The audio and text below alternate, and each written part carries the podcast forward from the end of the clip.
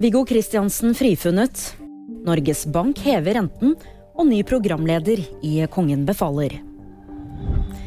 Viggo Kristiansen er i Borgarting lagmannsrett frifunnet i forbindelse med Baneheia-saken. Kristiansen ble i 2002 dømt til 21 års forvaring for å ha vært hovedmannen bak voldtektene og drapene i Baneheia i Kristiansand. Aktor har lagt ned påstand om frifinnelse. Påstanden tas til følge. Etter dette frifinnes Viggo Kristiansen for forholdene i tiltalebeslutningen post 1 til 3, Baneheia-saken. Det sa dommer Tonje Wang. Norges Bank hever renten for siste gang i år.